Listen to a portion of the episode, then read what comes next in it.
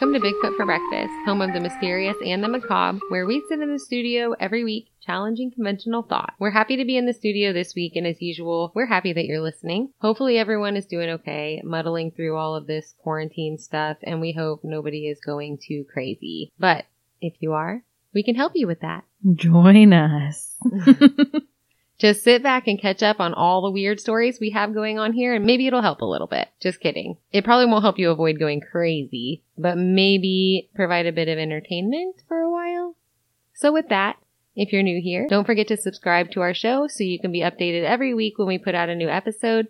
And if you really want to help us out, it would be really super awesome if you could just take a few seconds and leave us a rating and a review on whichever podcast platform that you happen to be listening from. And don't forget to tell a friend. If you know someone who might be interested in the show, let them know that Bigfoot for Breakfast is out there. We honestly do appreciate it. If you won a contest in the past couple of months, we have been a little slow getting some of the merchandise, but we have it now and it has been shipped to you, so you should be receiving it shortly. If you want to contact us for any reason, if you have show suggestions or just want to say, hey, hey girl, hey, Hey girl, hey.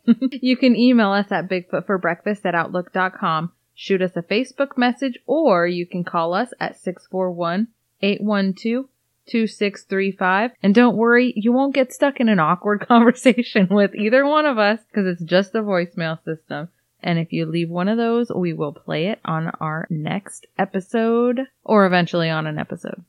Speaking of that, we did just notice that we had a voicemail sitting in our mailbox, so we'll play that right now. So every time you say phenomena, in my head, all I hear is phenomena. Then I get that song stuck in my head, but I enjoy it, so thank you. Phenomena. Mana mana. Do do do do do.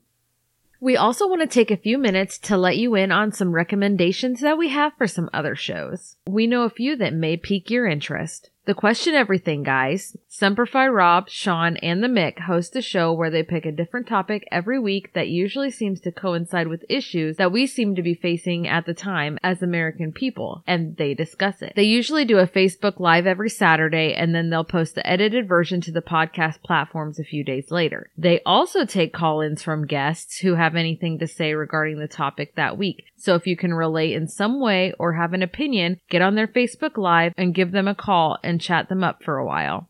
MWP is another show that you guys should check out. Chach and Josh are funny and their conversations flow really well. They talk a lot about movies, wrestling, politics, whatever else comes up through the episode with a lot of jokes and a lot of great personality. So check them out. You won't regret it. The Kensington Corner with Tom and Jeff is another great show. They tackle the problems of the world one thing at a time, but they focus a lot on health and overall well-being, both mentally and physically, from a man's standpoint. And we found their show to be really interesting because they aren't afraid to really get into the everyday struggles that guys face, especially with mental health and stress. It's a really honest show, and one of them is a veteran, so they promote various causes associated with the mental health of veterans as well, which we think is incredible because it's a very important topic and our nation's veterans don't get the love and support that they deserve. Any conversation that can be had about how to improve that is fantastic. But forget all that for now, because we're going to tell you a little story. We've got another weird one for you this week, and I have to admit that this is something that I had never heard of until just recently, and I really couldn't believe that it wasn't more of a widespread story than it seems to be. I don't know, maybe all of you guys have heard it before, and I've just been living under a rock this whole time, but I don't really think so. Um, that's possible. It It's is a little bit possible. I read an article, checked into the details of the story, and although it's a super sad story, I also found it to be incredibly interesting. So we thought we should share it with all of you lovely people, and hopefully you will find it as interesting as we did. Let me get into storytelling mode. hmm Get your Dan Rather voice going. One fine day. That's more like I was gonna say that is not that's the way the cookie crumbles. Get like Keith Morrison. Don't you watch Dateline? That's like really. I don't know if I can do that.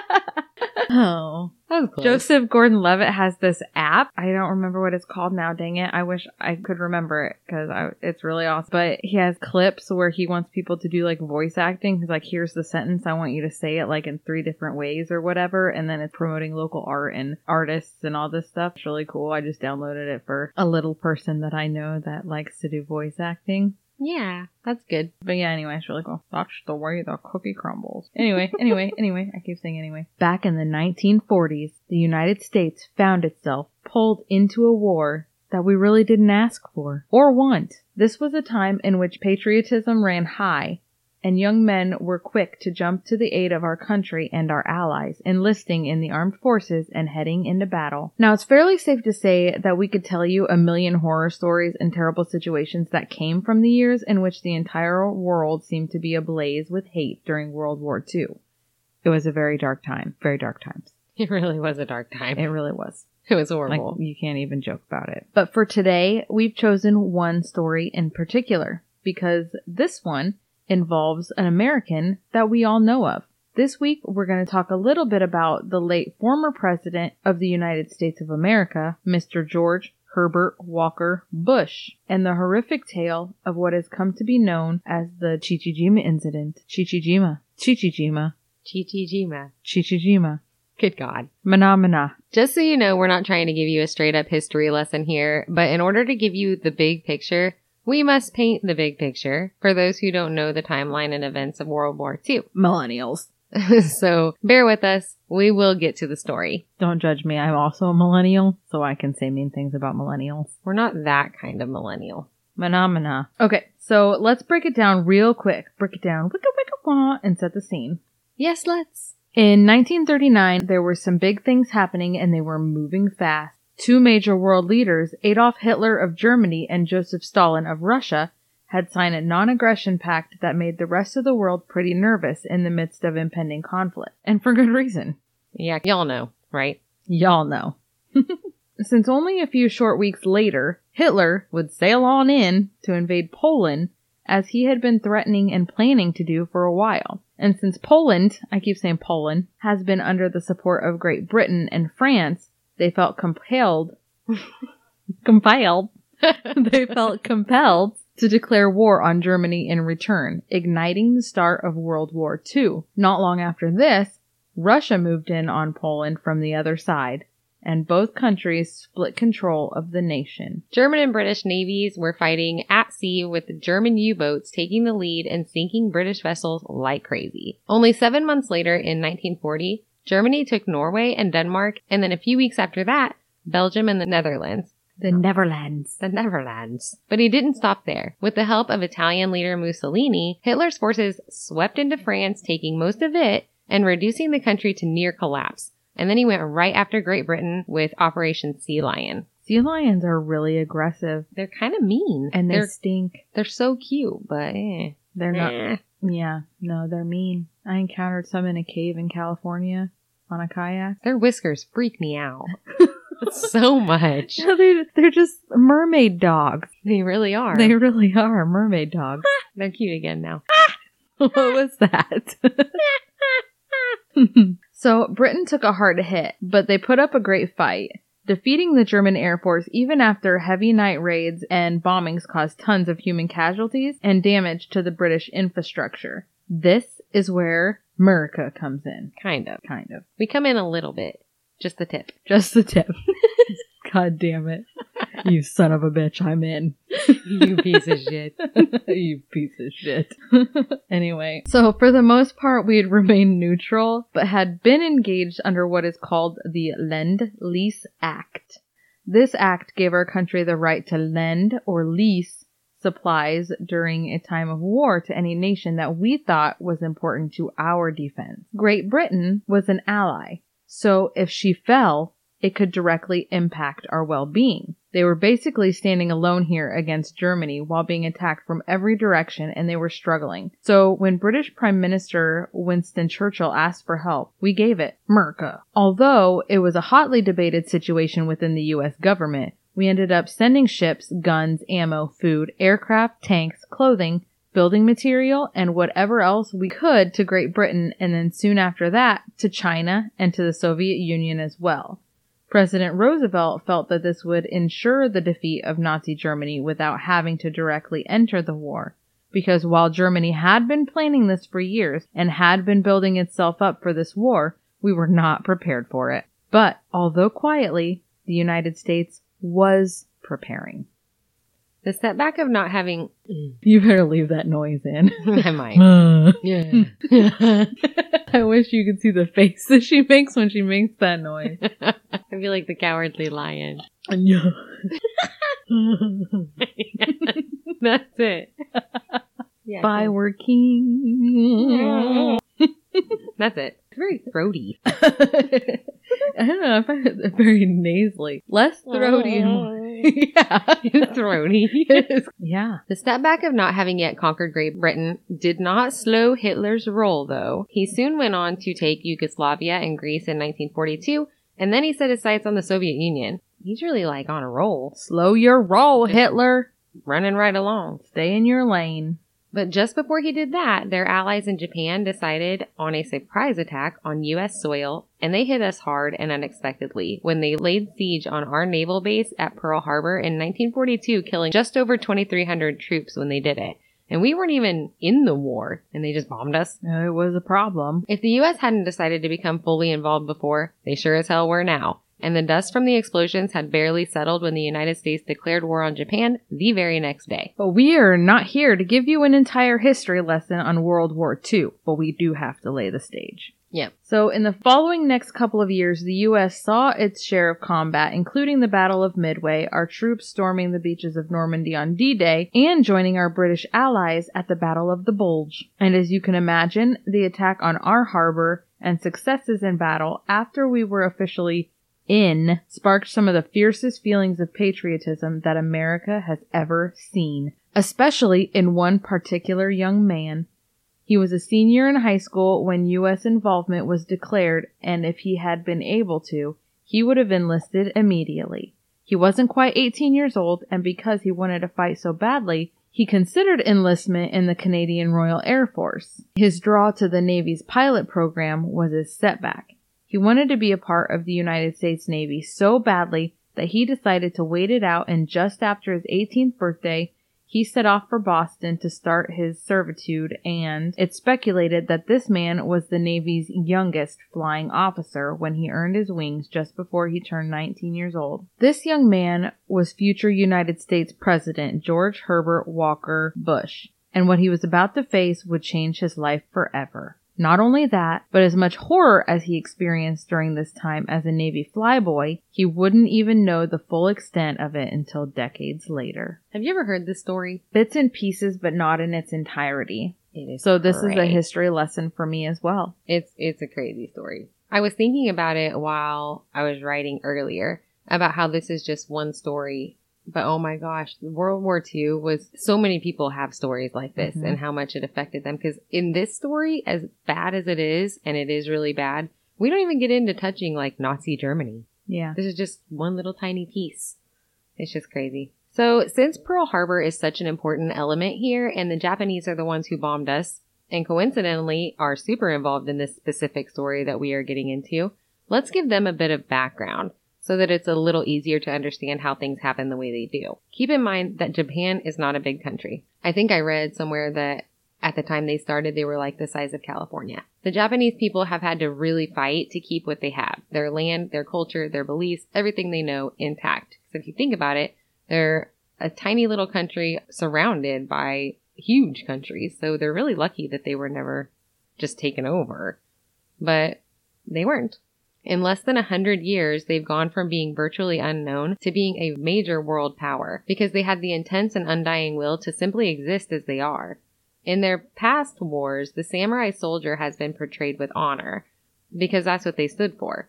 They were incredibly disciplined, honorable, physically and spiritually clean, focused, and fair, fighting and 100% willing to give their life for their country that they loved and cherished deeply.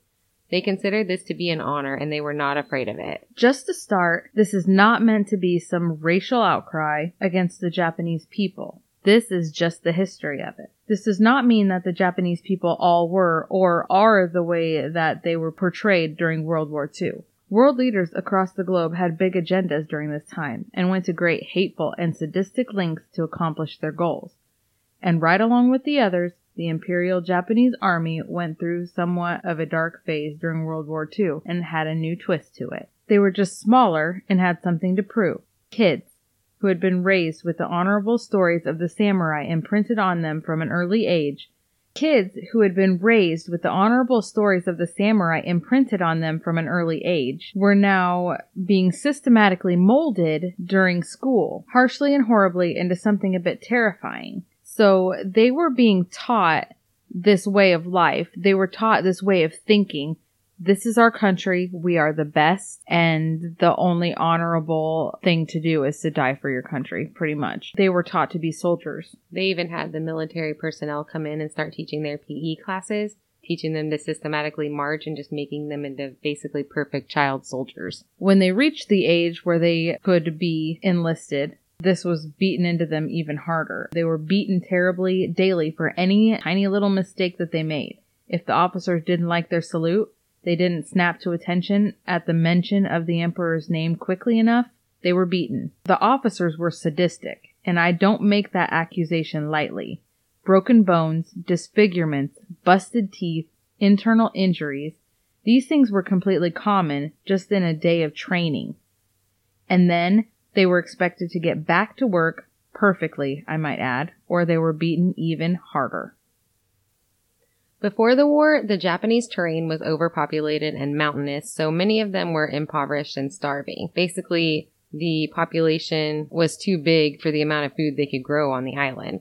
The people had zero voice in the government, and they lived by an oppressive, uncaring government backed by a fearsome army with no mercy. Political violence was rampant with leaders being executed and assassinated horribly through the 30s. When the war started, every man aged 17 to 40 was subject to obligatory service for three years or more. In this environment, the soldiers were also brainwashed. The army would pay them a meager wage that was better than what they were getting as farmers, so they took these already poor, beaten down by life people and beat them into hardened sacrificial warriors. They were taught to terrorize other people and to love cruelty and torture, seeing the slaughter of an enemy target as a great honor and duty.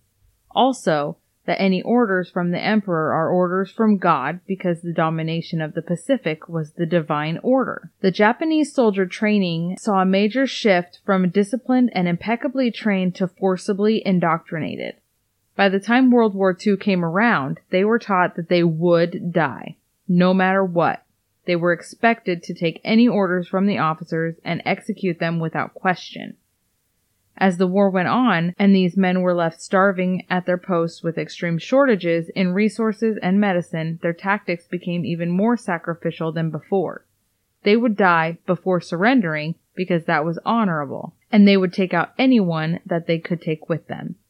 Torture and murder were absolutely routine and expected. They used POWs as target practice, enslaved unwilling girls to serve as comfort women, performed horrible medical experiments on prisoners, and that's just the short list. In an interview with CBS News, James Bradley, author of a book called Flyboys about World War II airmen, he stated, World War II flyboys were the first to engage in combat aviation in large numbers. In bomber jackets, Posing with their thumbs up, they epitomized masculine glamour. They were cool and they knew it, and any earthbound fool had to know it too. They flew the original Missions Impossible, climbing into 1940s era tin cans with bombs strapped below their feet. They hurtled off carrier decks into howling winds or took off from island airfields. Flyboys would wing toward distant targets, dive into flak shots from huge guns, and drop their lethal payloads. With their hearts in their throats, adrenaline pumping through veins, the flyboys then had to dead reckon their way back to a tiny speck of landing deck or to a distant airfield their often damaged planes never made it to. I feel like we should be clear here. I mean, while it wasn't like the extent of brainwashing, I mean, they obviously were. It was the extent of brainwashing. I mean, for American soldiers.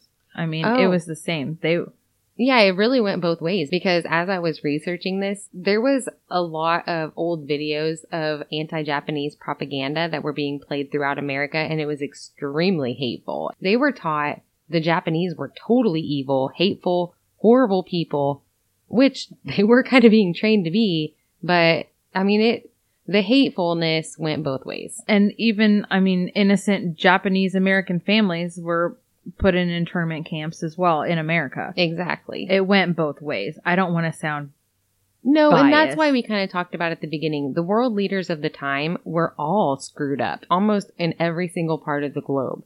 So the whole world was just full of this hate constantly, and it it caused a lot of problems. So that's what I meant by we're not going to make this some anti-Japanese racial situation because that's not really what this is about. This is literally just a piece of history that we're talking about, and I mean, we could talk about Nazi Germany the same way or America in a lot of ways the same way during the time. Of the Japanese perspective regarding the Flyboys, Bradley said, quote, And while America cheered its flyers as its best and brightest, the, the Japanese had a very different view of those who wreaked havoc from the skies. To them, airmen who dropped napalm on defenseless civilians living in paper houses were the non-human devils, which is fair from that perspective. The United States had employed strategy against Japan during the war that seemed to be working well. They called it island hopping. They would target key islands in the Pacific, capture them, build airstrips, and load the island with B 29 bombers. They would also take out Japanese islands that were part of supply chains for the enemy. It was like a game of leapfrog. So if you look at a map of Japan and there's a bunch of tiny little islands clear around it in the, the Philippines, mm-hmm. they would just capture one at a time, getting closer to Japan, basically. They would take control of a tiny island, secure it, and then hop forward to the next one. It was actually a super dangerous job. These islands were heavily defended with entrenched and hidden enemies, and the pilots who were doing this were facing heavy artillery, getting shot down one after another. It was a really unpredictable and challenging gig, and this is exactly what George H.W. Bush signed up for. The Navy airmen were the best of the best, and they knew it.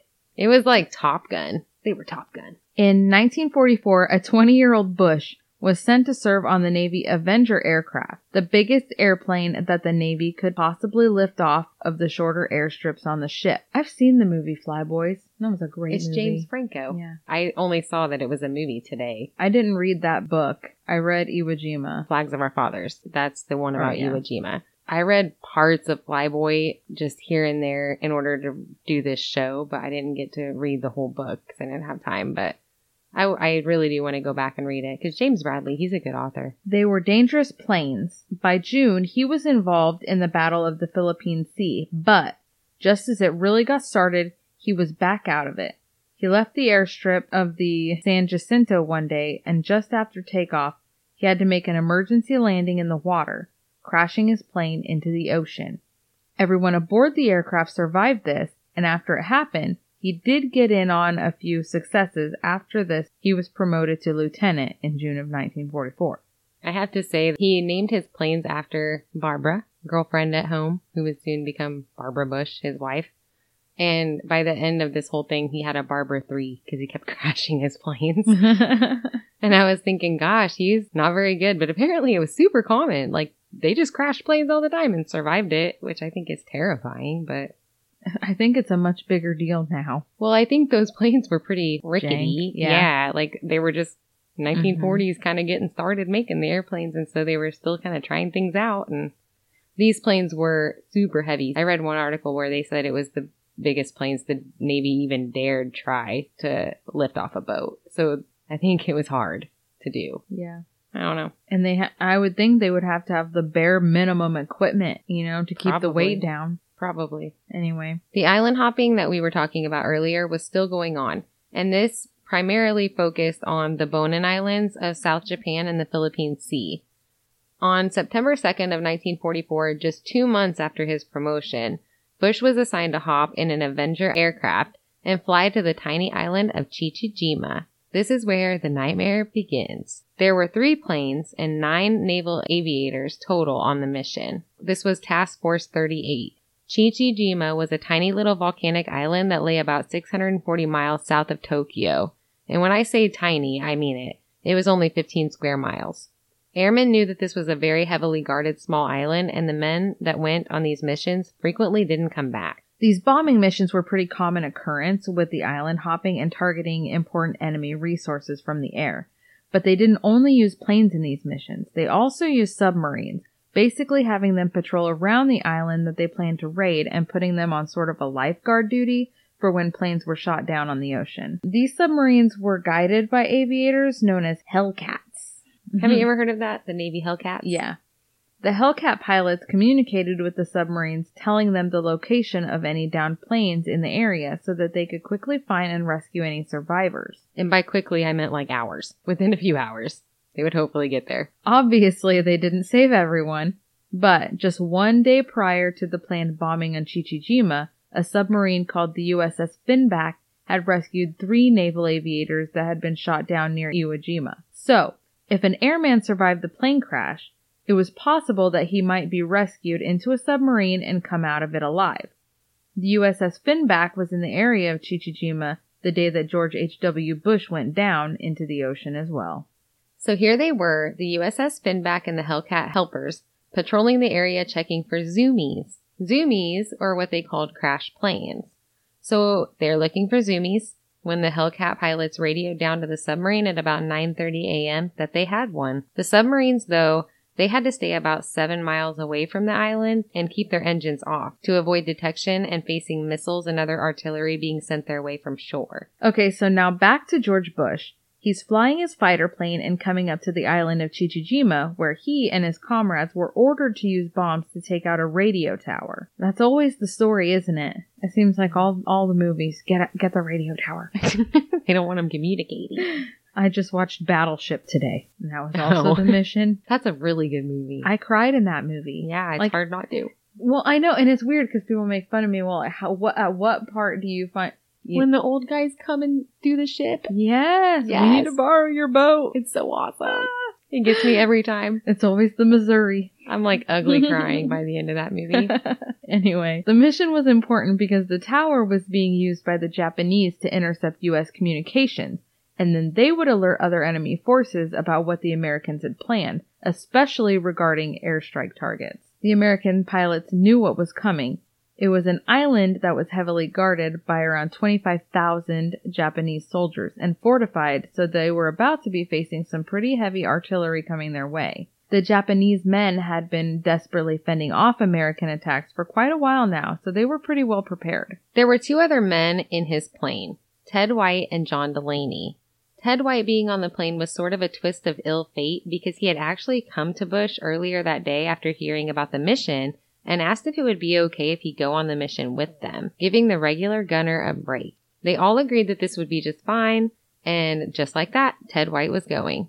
There is a CNN interview with George Bush regarding the Chichijima incident, and in this he talks about Ted White and this last minute decision. Bush said, quote, I thought that it would be a good adventure for the guy. Get permission from the skipper and you're in, man.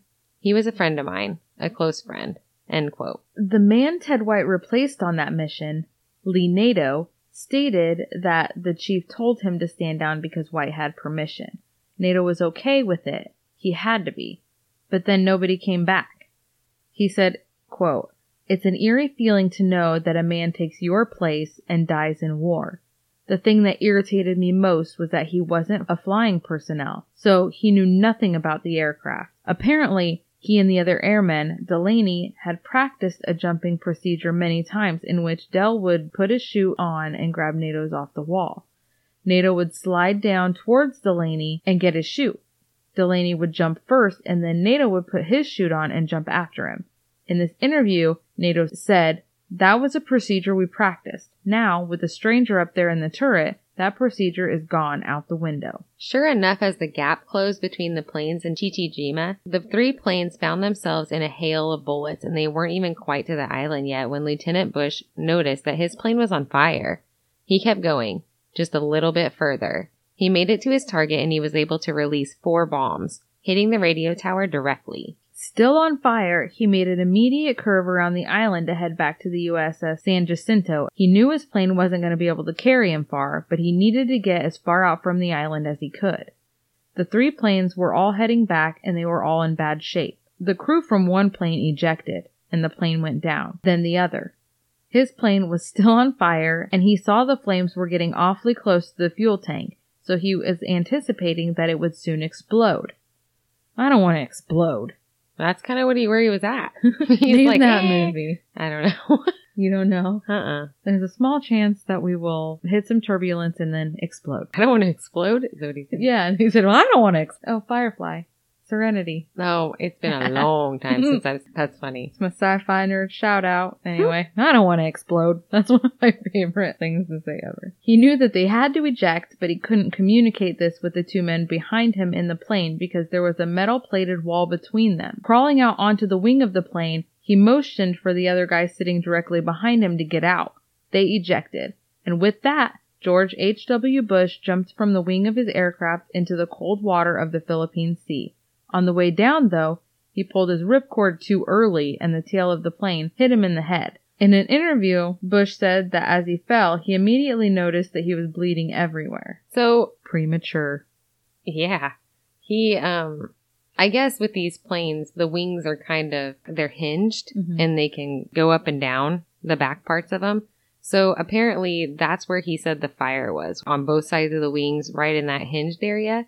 And on those planes, the fuel tank sits just under the wings. There's two fuel tanks. So just to give an idea of what they were going through, I guess, and why he thought that they were probably going to be exploding soon. Explode. And also, if I got any of this wrong, especially as far as how George Bush got out of the plane and warned his crewmates, it was super unclear in a lot of the interviews and a lot of the articles that I read.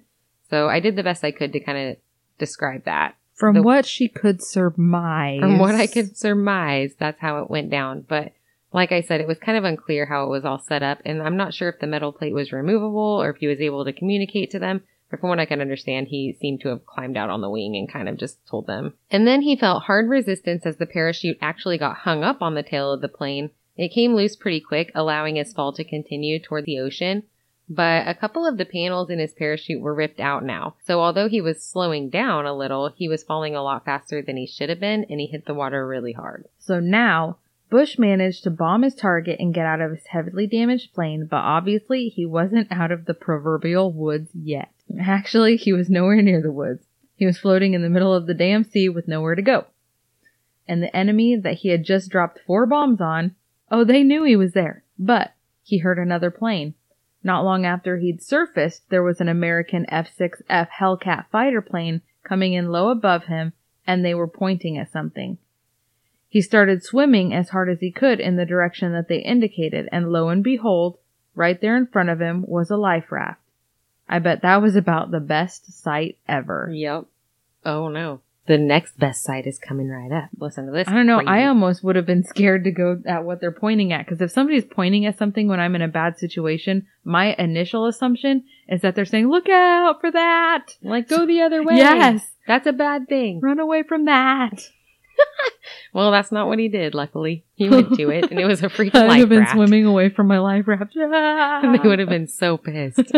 Where are you going? Leave him there then. I don't know what to do with my hands. yeah. I can't swim. Also, No, you cannot. He lashed onto the life raft for dear life, but there was still a huge problem. The wind was blowing right back toward Chichijima, so not only did he have to hold on for dear life, constantly fighting the waves, he had to swim, and swim really hard. In an interview with George Bush regarding this incident, he said, quote, I swam as fast as I could. I was sick to my stomach. I was scared. I wondered what had happened to my crewmen. And suddenly I, I saw this periscope and it looked like a United States submarine in Japanese waters. End quote. So he'd been sitting in the life raft, worrying, crying, panicking, bleeding, puking over the edge, scared for his friends, and suddenly there it was. The black hole of a sub right there in front of him, like a miracle from God, and he thought he was hallucinating. So imagine you're sitting in a life raft and all of a sudden you just see this periscope. I mean, that would be like, oh, you know, thank you, sweet baby Jesus. it'd be kind of creepy though, just to see the the thing, the periscope. Well, I'd be scared it wasn't American. right? Am I done? Surely they mark them. The Periscope part? Yeah, I would. I don't know. Well, he said Well, I'm sure, and the designs of the ships and everything, they know. You know, they Yeah. know. they know.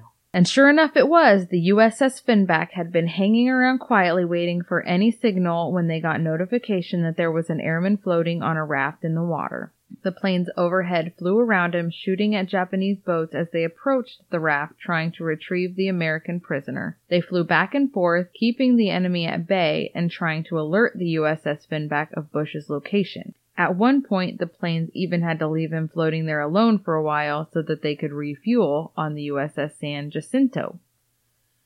By the time he was actually rescued, I'm not entirely sure how long he had floated on the raft in the ocean, but I read one report that said two hours and then another that said four.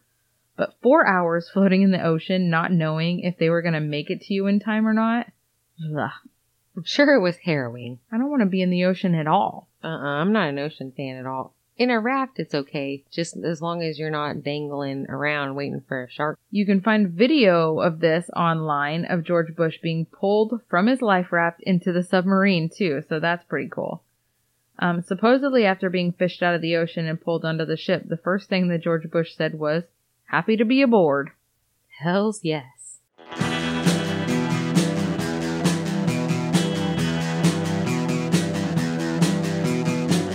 You're listening to the Prescribed Films Podcast Network, home to hundreds of hours of free podcast entertainment. The shows on this network all have a common goal providing you with the best discussions about movies and other forms of entertainment media.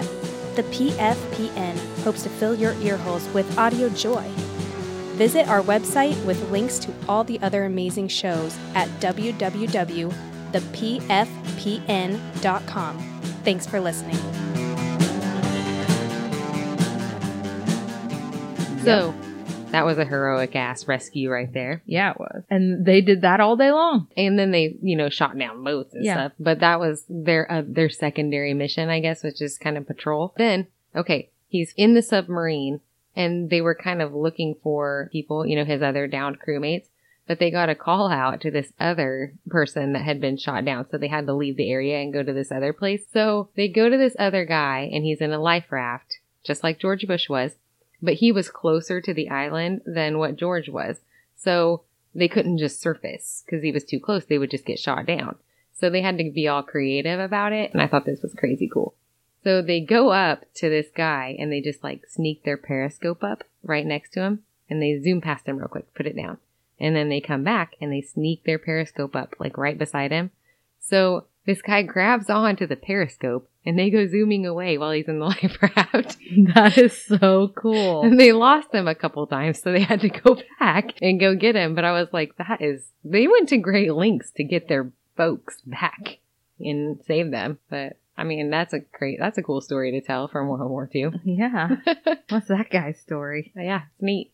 Anyway, So he told the crew of the sub that he didn't even see his crewmen's parachutes after he had jumped, and he wondered if they went down with the plane or if they had ended up ejecting too soon and actually landed on the island. The planes and the submarine ended up searching for the missing men for a few hours, but then they got pulled away to um to another pilot in the raft by the neighboring island. that's the one I was talking about. In an interview, George says the USS Finback, they came alongside and picked me up.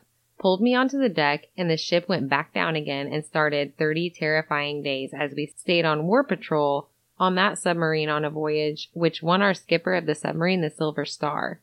It was a traumatic experience, but no different than what a lot of kids went through in World War II. And that's the point I want to make because people talk about, well, you're a hero. There's nothing heroic about doing your duty and doing it with honor. And there's nothing heroic about getting shot down.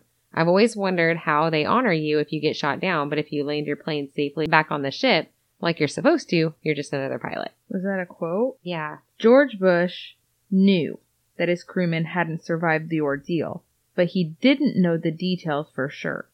It sounds like he thought that one of his men never made it out of the plane and that another one died when he hit the water. There was a pretty great book by James Bradley called Flyboys, which we discussed earlier, regarding the incident.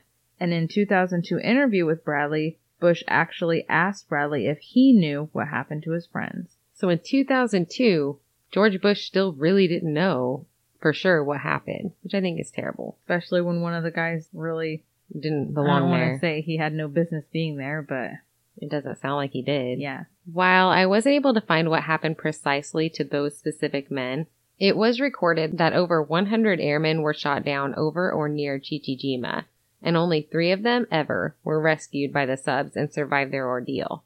One of those incredibly lucky three being George H.W. Bush. After Bush spent 30 days aboard the USS Finback submarine, he returned to the USS San Jacinto by choice to finish out his tour, even after they told him that he could go home if he wanted to.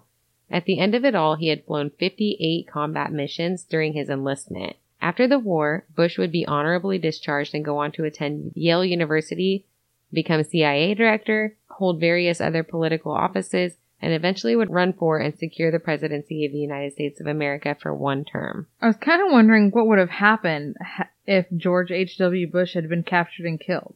How different would American history have been? For real. As far as the captured men, we wouldn't find out what happened to them until later after the island was captured in 1945.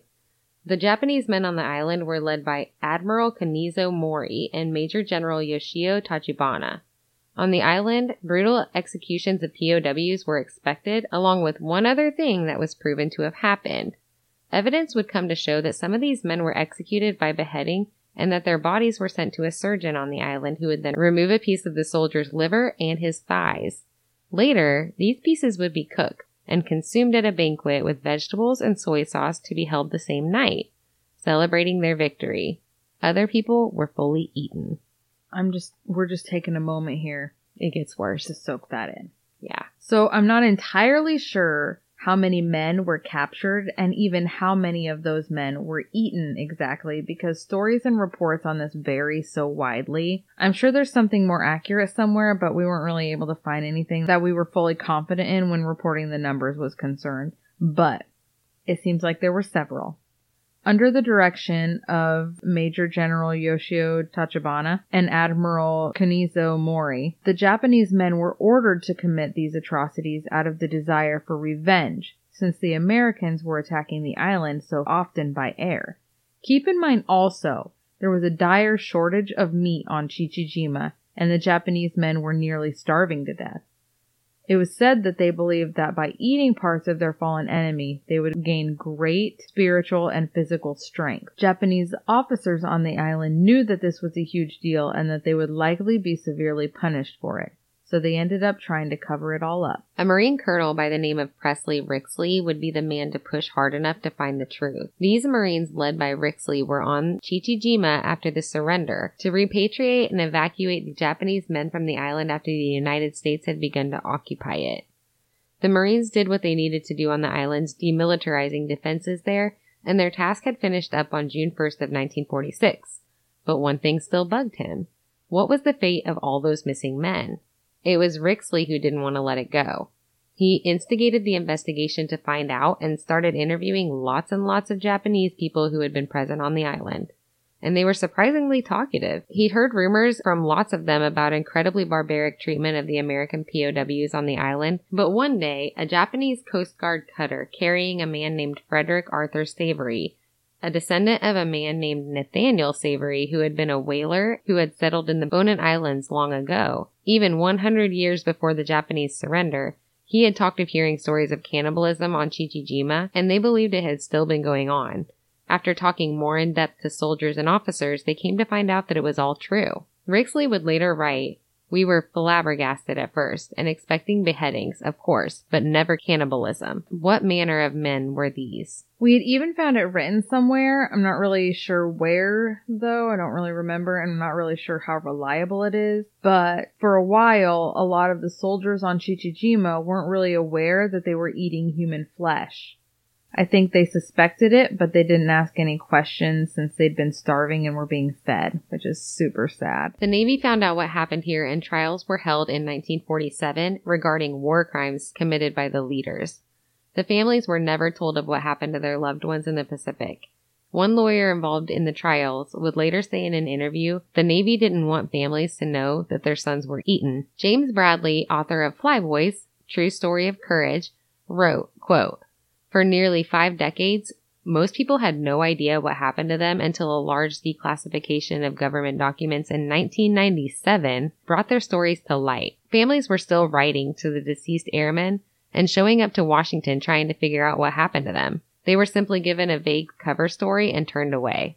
They just went on not knowing. There were other instances in which cannibalism had taken place here as well, since food shortages were making people desperate.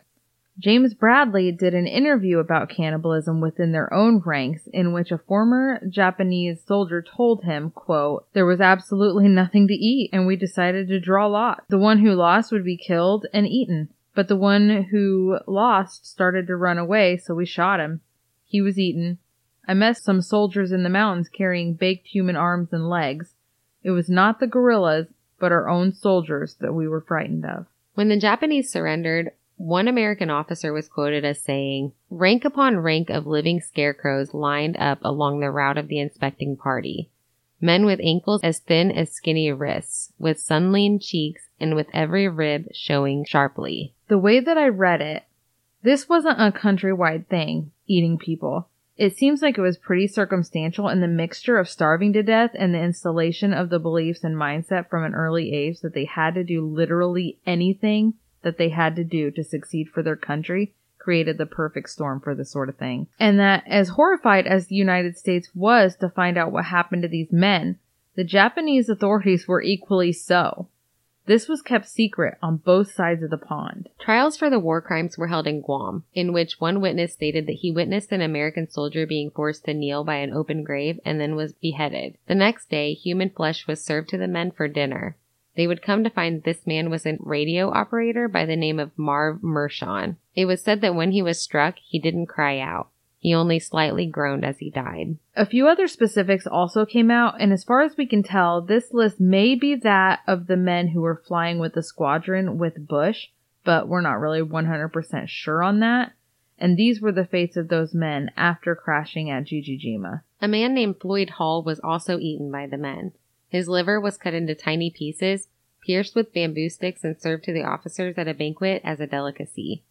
In testimony by Kunizo Mori, the officer who had ordered this to be done told him, quote, I had it pierced with bamboo sticks and cooked with soy sauce and vegetables.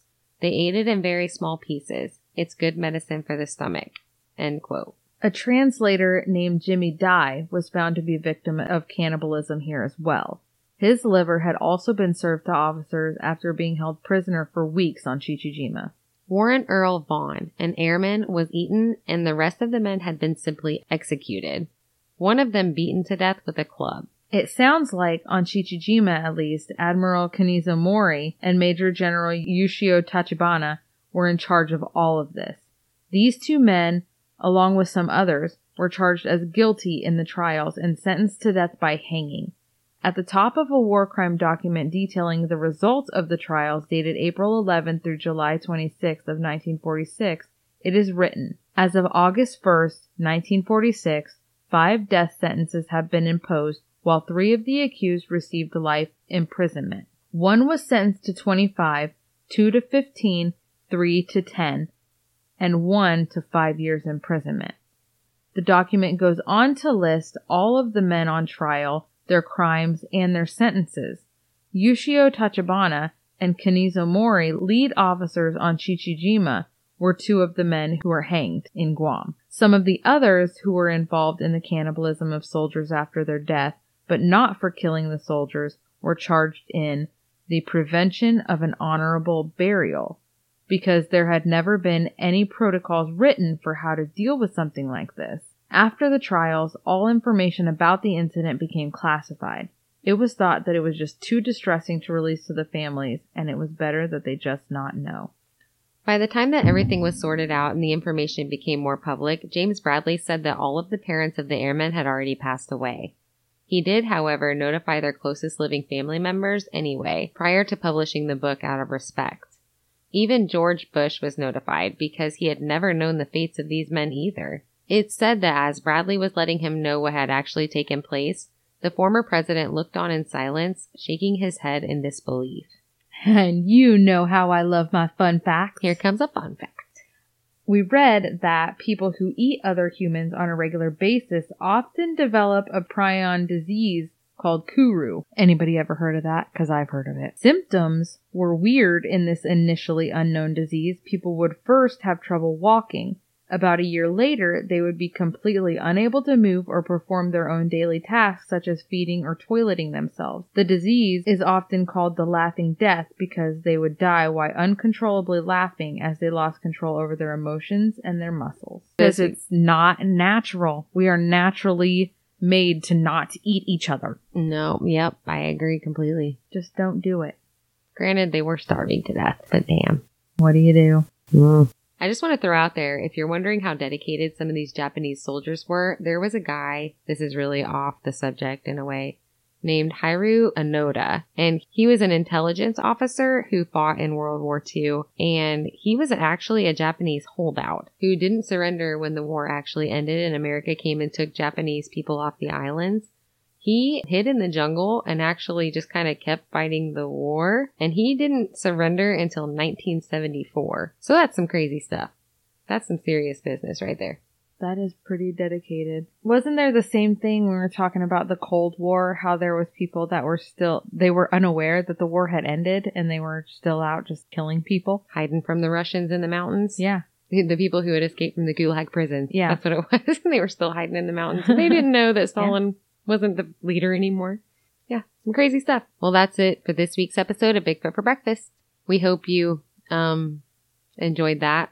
And we do hope you'll come back next week for another weird story because we've got them lined up forever. Forever. Don't forget to push that subscribe button. And please, if you like the show and you want to help us out, leave us a rating and a review. It helps us a ton and we really love hearing from you guys. Don't forget that we are having a contest for a free t-shirt or a coffee mug and all you have to do to get your name in there is recommend us on any social media platform. Just make sure you tag us so that we see it. The more you recommend us, the more you are entered. Alternatively, you can put a picture of yourself on our Bigfoot for Breakfast Facebook page of you Mothmanning. Whatever that means to you, do it, and we'll stick your name in the drawing for a prize. Two winners will be chosen this month, and if you have something to say and you want to be on the air, leave us a voicemail and we play it on the next episode. All you have to do is call 641-812-2635, and with all that business out of the way, we hope to see you again next week. And that's the way the cookie crumbles. That's the rest of the story. Ah, she brought Paul Harvey into it. I love Paul Harvey I so miss much. Paul Harvey. Me too. Anyway, see you next week.